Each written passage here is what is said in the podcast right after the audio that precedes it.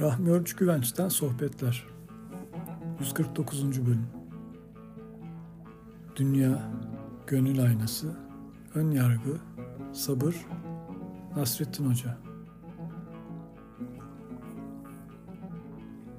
Rahmi Örç Güvenç'in 28 Mayıs 2011 tarihinde Ankara'da verdiği konferansın ses kaydının birinci bölümü.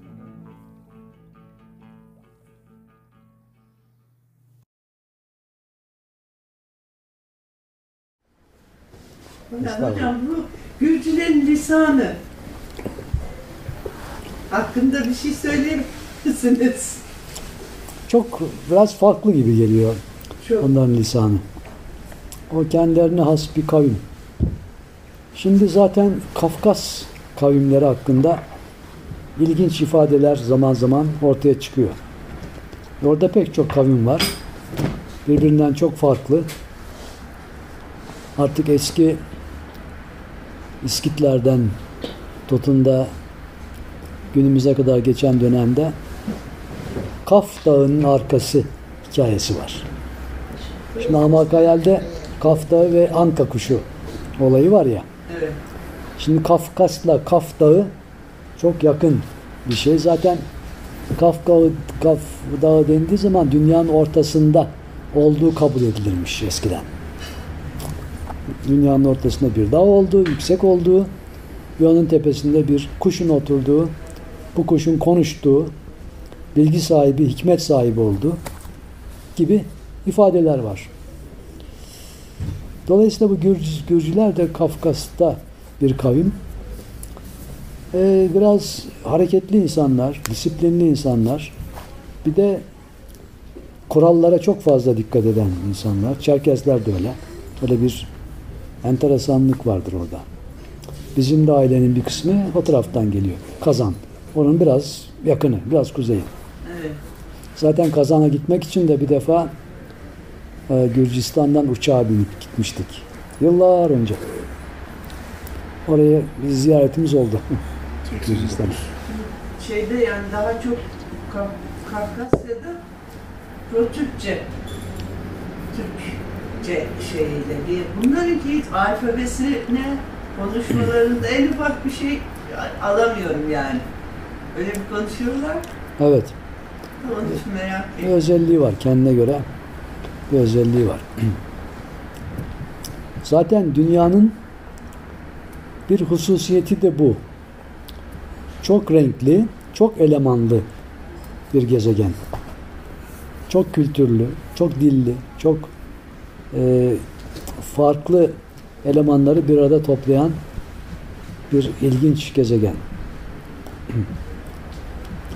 Belki de bu bakımdan kainatta ilgi odağı.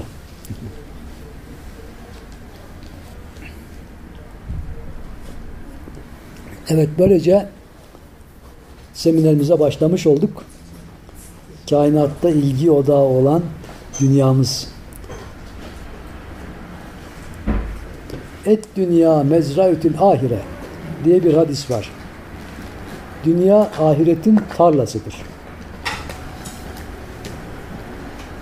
Buraya yapılabilecek her türlü yatırım ahirette ürün veriyor.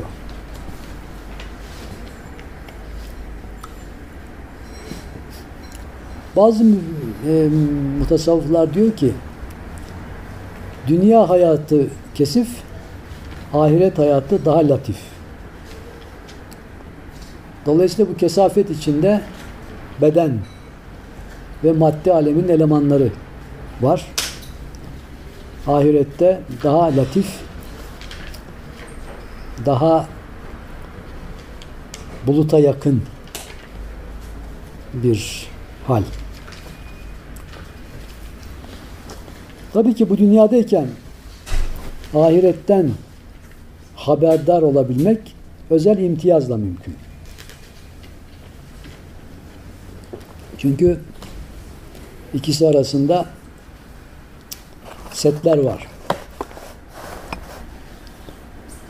Rüya ve uyku hali bu bariyerleri aşmamıza yardımcı oluyor.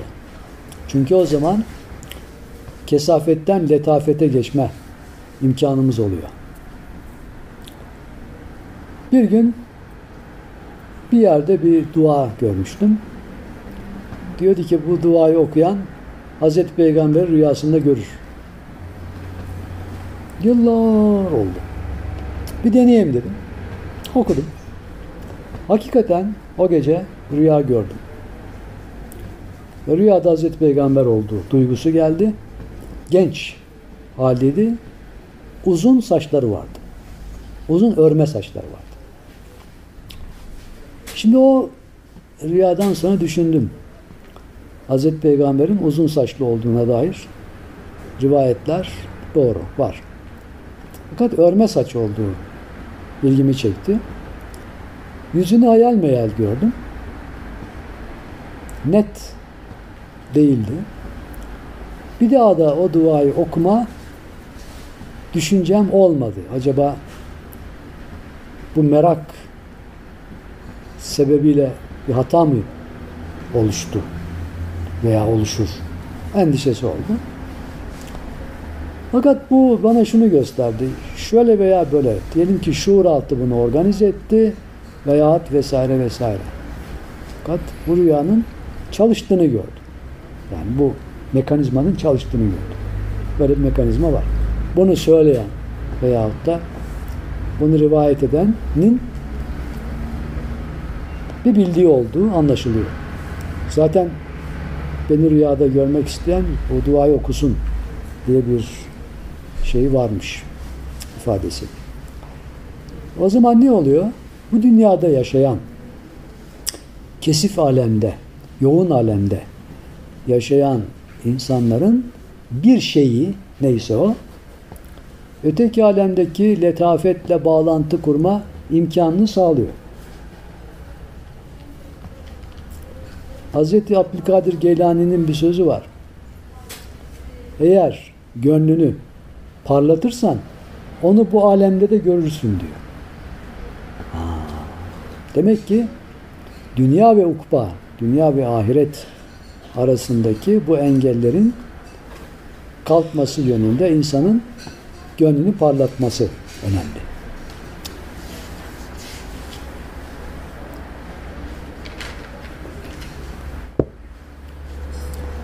Gönlünü parlatması konusu gündeme geldiği zaman Hz. Mevlana'nın o hikayesi bugün öğleyin de anlattık şeyde kütüphanede. Tekrarında fayda var. İşte Çinli ressamlar e, bir kervanla batıya gidiyorlar Türkistan'a. Oradaki ressamlarla, sanatçılarla yarış yapmak istiyorlar. O yarış sebebiyle bir durum oluyor.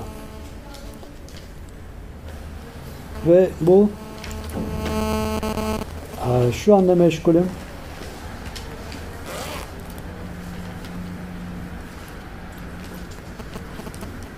Bu yarış sebebiyle bu istekleri Aksakallar Meclisi'nde tartışılıyor, kabul ediliyor.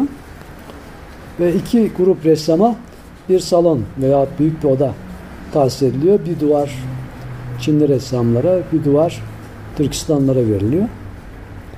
Türkistanlılar duvarı zımparalıyorlar, cilalıyorlar. Üç gün bunda meşgul oluyorlar. Çinler habire resim yapıyorlar.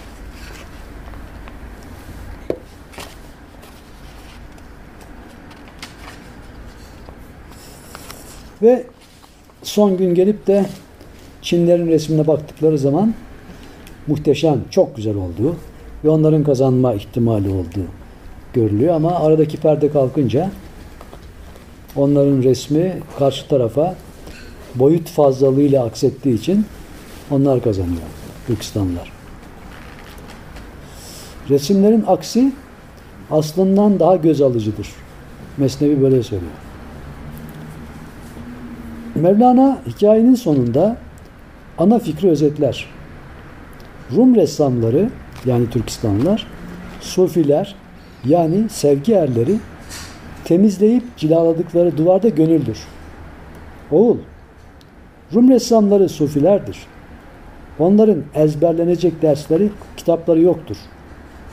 Ama gönüllerini adam akıllı cilalamışlar, isteklerden, hırstan, cimrilikten ve düşmanlıktan arınmışlardır. O aynanın saflığı, berraklığı gönlün benzeridir. Gönle de sanır, sınırsız sayıda görüntüler akseder. Ki o görüntüler gökyüzüne, yeryüzüne, uçsuz bucaksız denizlerden, denizlerin dibindeki balıklara kadar başka hiçbir yere sığmaz. Çünkü bunların, bütün bunların sınırı sayısı vardır. Halbuki gönül aynasının sınırı yoktur. Burada akıl ya susar yahut şaşırıp kalır. Sebebi de şu. Gönül mü Tanrı'dır, Tanrı mı gönül? Böyle gönül sahipleri ilmin kabuğundaki nakşı bırakmışlar, kesin bilgi bayrağını kaldırmışlardır. Düşünceyi bırakmışlar, dostluk denizini bulmuşlar, bilmekte yok olmuşlardır. Kimse onların gönlüne galip gelmez. Sedefe zarar gelir, inciye değil. Sekiz cennetin nakışları parladıkça onların gönül levhasına vurur, orada görülür. Onlar Allah'ın doğruluk makamında oturanlardır. Onların derecesi arştan da yücedir, kürsüden de. Gönül, insanın manevi alemlere açılan penceresidir. Kabe'den daha kutsaldır. Zira sevginin mekanı, dahası Cenab-ı Hakk'ın konağıdır. Çünkü hadisi kutsi'de bildirildiği gibi Allah gönlü yere göğe sığmadım. Mümin kulumun gönlüne sığdım. Sözleriyle yüceltmiştir. Mevlana da aynı hususu şu sözlerle ifade eder. Gönül göklerden de yüce, göklerden de geniş olmasaydı, aya binip de dolaşmazdın şu gönülde. Gönül pek büyük bir şehir olmasaydı, bir padişah sığmazdı oraya. Dolaşmazdı o gönülde. A benim canım, gönül şaşılacak bir ormandır. Sen de av beyisin şu gönülde, gönülde. Gönül denizinde binlerce dalgalar coşar. Sen de inciler elde edersin şu gönülde.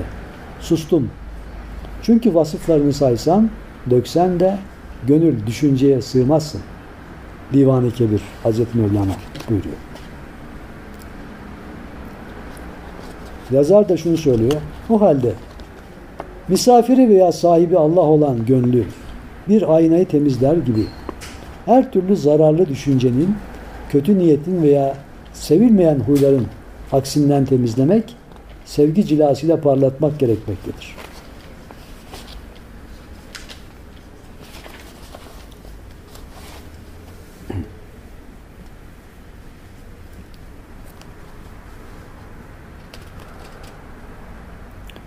Şimdi gönüle devam edelim. Hazreti Yusuf'un bir arkadaşı yolculuktan döner. Yolculuktan dönenlerin hediye getirmesi adettir. Ya Hazreti Yusuf sonra sorar. Bana hediye getirdin mi? Arkadaş cevap verir. Sen Mısır'ın sultanısın. Senin neye ihtiyacın olabilir diye çok düşündüm. Sana getirmek için ne kadar armağan aradıysam hiçbir şeyi beğenmedim. Sana layık görmedim. Altın madenine altın sunmanın ne anlamı var? Ya da okyanusa su. Sana gönlümü veya canımı bile getirsem Kirman'a kimyon götürmek gibi olur. Merhaba. Ama sen o kadar güzelsin ki senden daha güzel birisi yoktur dedim ve sana bir ayna getirmeye uygun gördüm. Ey gözümün nuru, ey güneş gibi gökyüzünün ışığı olan güzel. Ona baktıkça kendi güzel yüzünü görürsün. Yüzünü gördükçe beni hatırlarsın der. Kıssadan ise Hz. Mevlana izah eder. Cenab-ı Hakk'ın da her şeyi vardır. Hiçbir şeye ihtiyacı yoktur. İnsan kul olarak Allah'ın huzuruna kendisini görmesi için parlak bir ayna yani temiz bir gönül götürmelidir. Gerçekten de Allah görünüşlerinize, mallarınıza bakmaz. Fakat ancak gönüllerinize, amellerinize, yaptığınız işlere bakar hadisinde de bildirildiği gibi insandaki gönül adeta Cenab-ı Hakk'ın kendisini görmek için baktığı bir aynadır. Ancak ayna tozlanınca, kirlenince görüntüyü yansıtmaz. Bu yüzden gönül aynasının da tertemiz, pırıl pırıl olması gerekir. Gönül aynasının kiri, kibir, kıskançlık, hırs, açgözlülük, kin, nefret, düşmanlık, ikiyüzlülük, yalan ve hile gibi olumsuzluklardır. Cilası ise sevgidir. Hz. Mevlana gönül kirden tozdan temizlenirse hak güneşinin nuru orada parıldar ifadesiyle de gönül aynasını sevgiyle cilalamamızı tavsiye eder. Hoş geldiniz.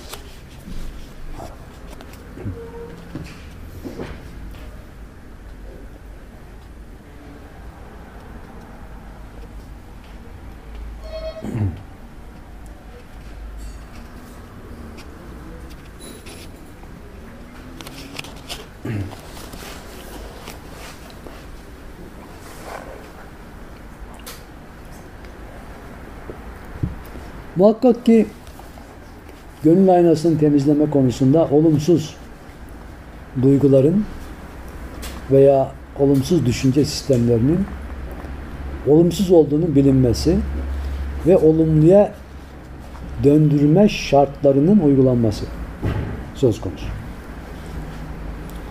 O zaman da hareketlerin duygu oluşturan davranışların ve bilgilerin o esasa göre yeniden reorganize olması gerekir. Şimdi bu okuduğum kitabı yazan Profesör Doktor Emine Yeni Terzi. Sevginin evrensel mühendisi Hazreti Mevlana diye kitap yazmış. Çok güzel. Diyanet Vakfı yayınları içinde. Şimdi oradan başka bir kıssayı anlattıktan sonra bir sonuç çıkarıyor. Oraya okuyalım. Yeterli bilgi sahibi olunmadan tahminle, zanla veya şahsi kanaatlerle kısaca ön yargıyla hareket etmek insanı yanlışların içine çeker.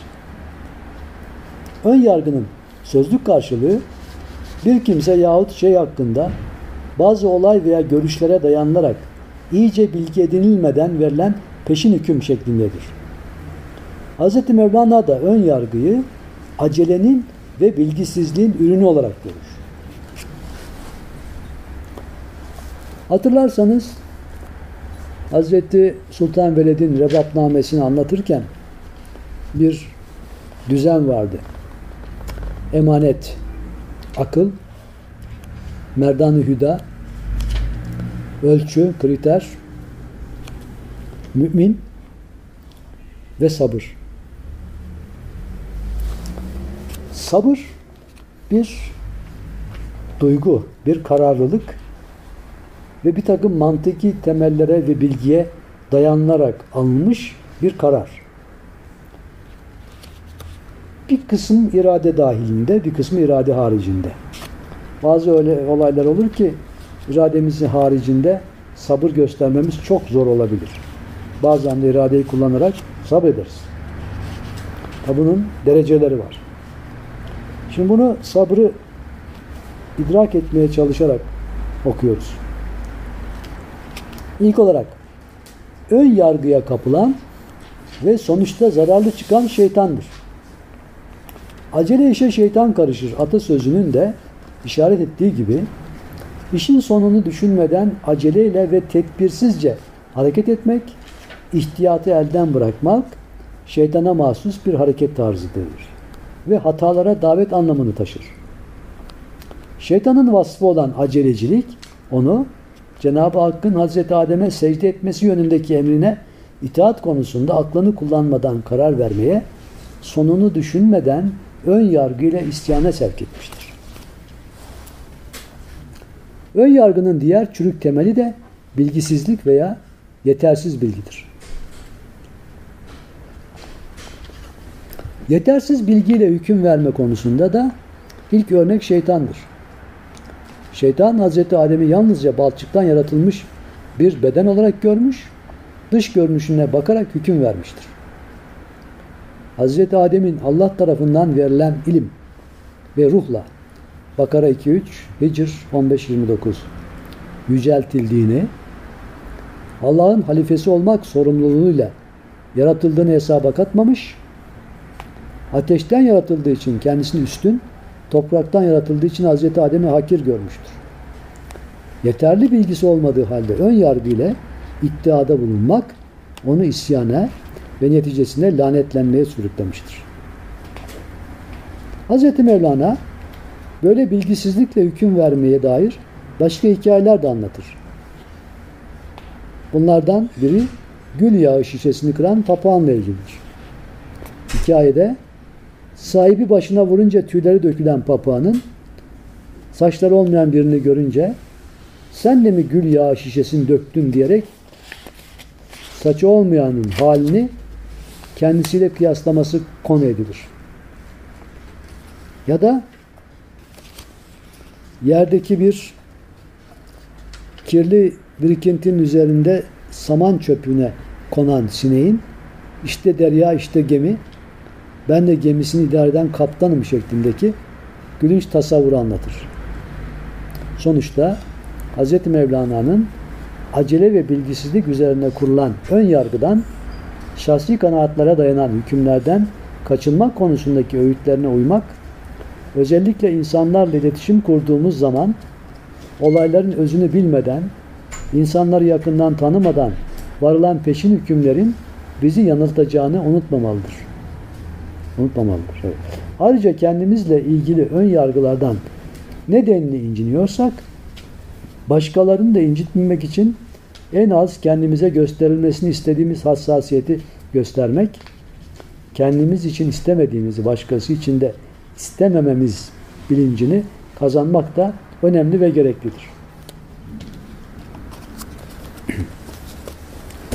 Sabır konusuna girdiği zaman hemen bir ön yargıyla hareketsiz kalmak, bir şey yapmamak, reaksiyon göstermemek gibi bir hataya da her zaman düşünmektedir. 12 Eylül öncesi Cerrahpaşa Tıp Fakültesindeyim. Psikolog, klinik psikolog olarak çalışıyorum aynı zamanda. Bir gün bir haber geldi. Bütün psikologlar, psikiyatrlar, askeri psikolog, psikolog ve psikiyatrlar hepsi çağrıldı bir yerde toplanıldı. Yani 3-400 kişi falan büyük bir amfide. Konu artan terör faaliyetlerinin psikoloji ve psikiyatri üzerine değerlendirilmesiydi. İstanbul'da oluyor bu olay. Klinikler arası. Ve bayağı bir tartışma, bayağı bir konuşmalar oldu. O zaman işte her gün birçok insan ölüyor. Kimse sahip çıkmıyor. Polis ikiye bölünmüş. Pol 1, Pol der diye. Öğrenciler ikiye bölünmüş. Her gün bir sürü olay oluyor. Ve kimse müdahale etmiyor. Öyle bir acayip durum. Bunun bir adını koymak gerekiyor dendi. Ve o konuşmalardan bir sonuç çıktı. Sonuç şuydu. Toplumun reaksiyon kabiliyeti kalmadı.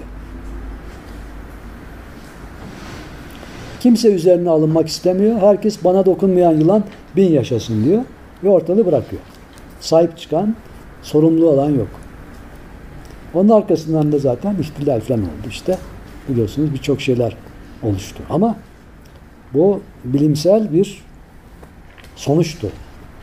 Reaksiyon kabiliyetinin azalması, gerilemesi toplumda. Şimdi sabır konusuna baktığımız zaman sabırdan esas anlaşılan şey sabırla acele arasındaki denge. Öyle bir hareket olur ki mesela bir insan yaralanmış kan kaybediyor. Sabret sabret. Hayır orada acele edeceksin. Oradaki acele sabırdır işte. Gerçek anlamda.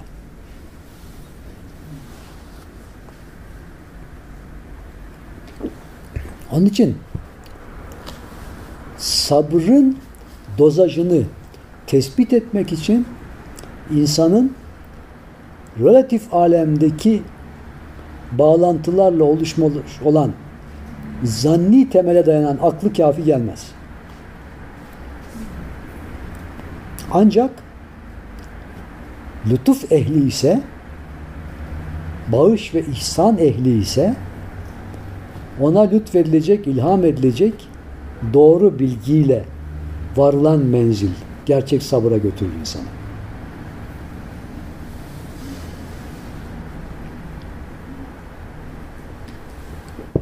Mantıki olarak çevre şartları, içinde olduğumuz şartlar, ihtiyaçlar nezdinde belirli bir doza kadar doğru karar verip davranış gösterebiliriz.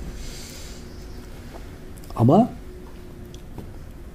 zaman boyutunu daha iyi anlayıp da zaman boyutu üzerinde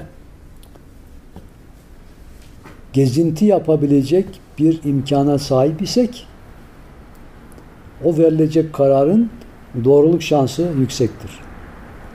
Çünkü verilecek olan karar geçmişe ve geleceğe de uygundur. Haliyle ana da uygun olur. O zaman doğru olur. Böyle bir karar verebilmek her kul için mümkün müdür? Yoksa bazı kullar için mi? Uygundur. Diyelim en son siz geldiniz. Anadolu Evliyalarından bir sayfa lütfederseniz açalım bakalım ne diyor. Oradan alacağımız kısa.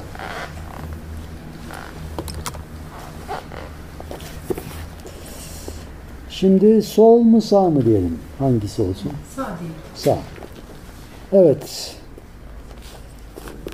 Doğru karar verebilmek için zaman boyutunu aşmamız gerekli ise burada şu anda üstadımız kim çıktı? Hoca Nasrettin. Bugün sevilmesi herkesten kolay, anlaşılması herkesin kendi nasibine bağlı, yazılması ise güçten de güç bir velinin huzuruna gelmiş bulunuyoruz. 25 yıl evvel Akşehir'deki mütevazi türbesini ziyaret ettiğim zaman günün birinde kalemimin onun tatlı kişiliğine de değineceğini hiç hiç düşünmemiştim. Bunu yazan Nezihe Aras. O zaman küçük şehirlerimizi süsleyen belediye parkları kadar temiz, bakımlı, düzenli bir mezarlığın ortasında dört tarafı açık, ahşap, yeşile boyalı bu türbeyi bize gezdiren Akşehirli ne mutlu sizlere demişti. Hoca merhumun türbesini kim ziyaret ederse mutlaka gülecektir. Onun böyle bir vaadi var. Bazıları benim bu yazımı gördükleri zaman Nasrettin Hoca da evliyalarımız arasında mıdır ki diye sordular. Niçin olmasın? Akşehir'de hemen herkes hala onun ruhaniyetine el uzatıp başı sıkışınca aman hocam diye ona koşar. Zaten nasip olur da Akşehir'e yolunuz düşerse göreceksiniz. O şehrin gerçekten ak pak, güler yüzlü, aydınlık, insanın içine ferahlık veren bir hali var.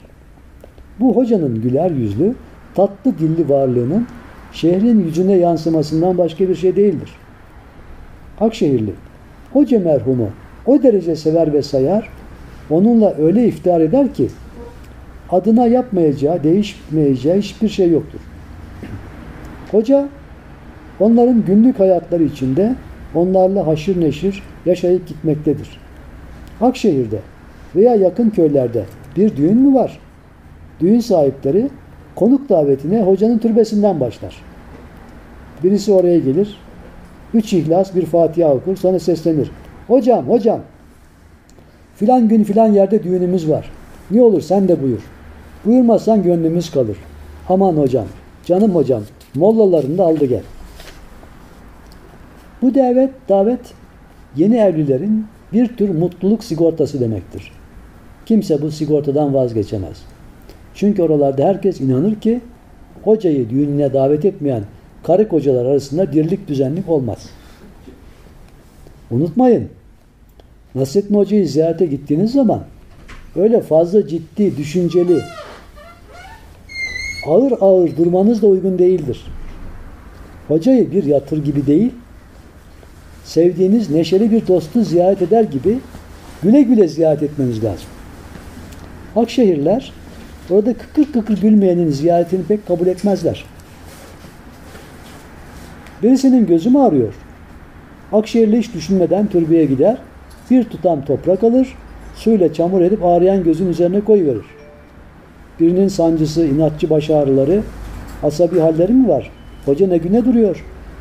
Kısaca Akşehirliler hekimden, hakimden evvel onun kapısını çalarlar. Cevapsız kalmadıkları sık sık tekrarlamak da hoşlarına gider. Cevapsız kalmadıklarını sık sık tekrarlamak hoşlarına gider.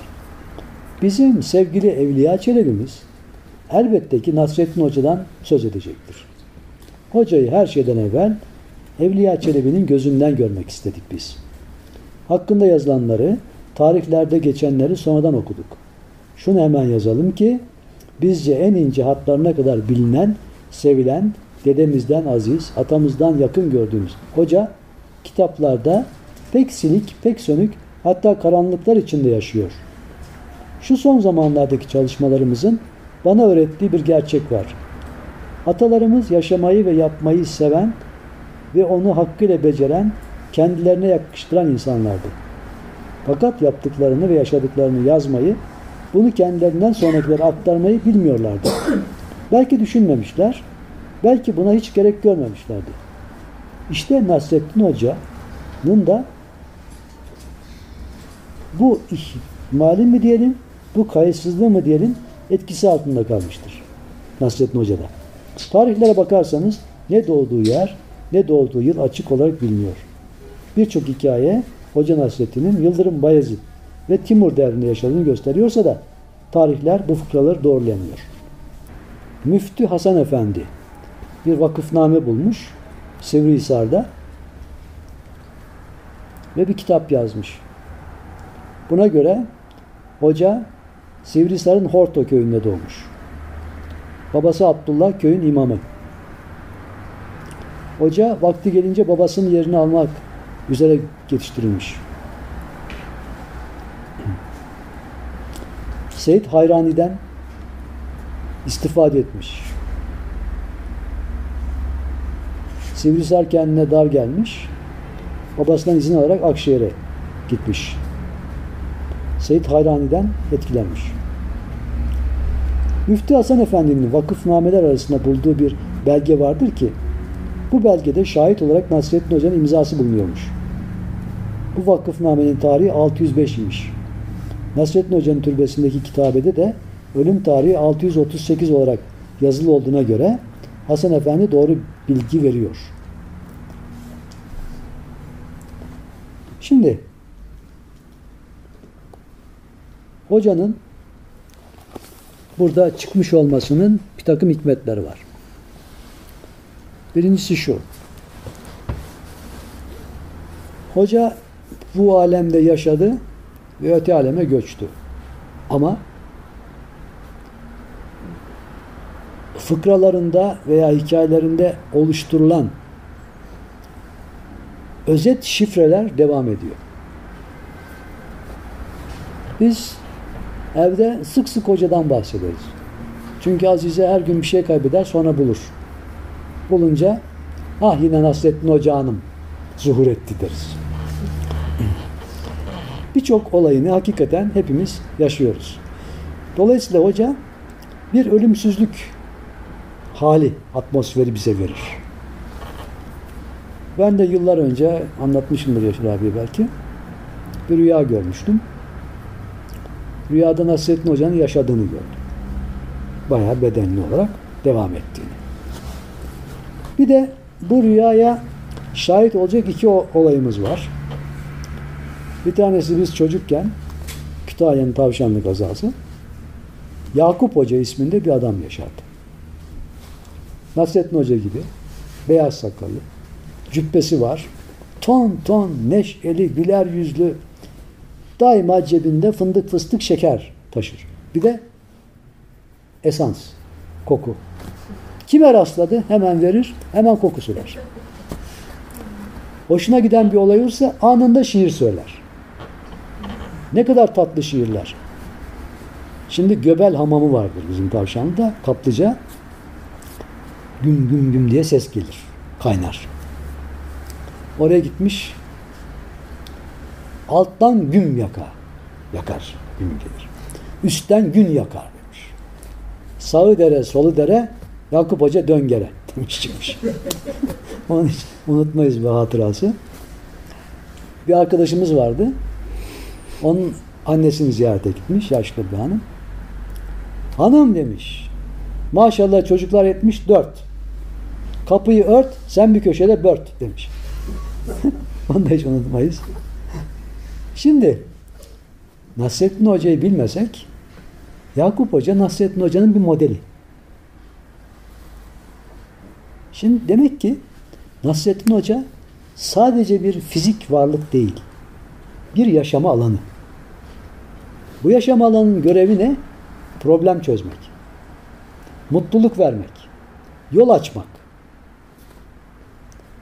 imkanlar oluşturmak, insanların unuttuğu bazı şeyleri hatırlatıp onların tekrar mutlu yaşamasına yardımcı olmak gibi fonksiyonları var. Dolayısıyla konumuza geldiğimizde çok boyutlu yaşamanın getirdiği kriterlerle duyguların karşılaştırılması ve duyguların kontrolüyle varılacak menzillerin oluşturulması insanın maddi manevi olgunluğu ve ikisinin dengesinin gelişimiyle yakın alakalı. Sabır acele durumuna bu gözle baktığımız zaman o ilhami tecelliyle karar verme yetkisine ulaştığı andan itibaren insanın parlamış, parlatılmış olan gönlüne akseden bilgi doğru bilgi oluyor. Ve o bilgi sabrı ve aceleyi ve acele de olsa sabır karakterindeki bir davranışın doğru davranışı bize gösteriyor.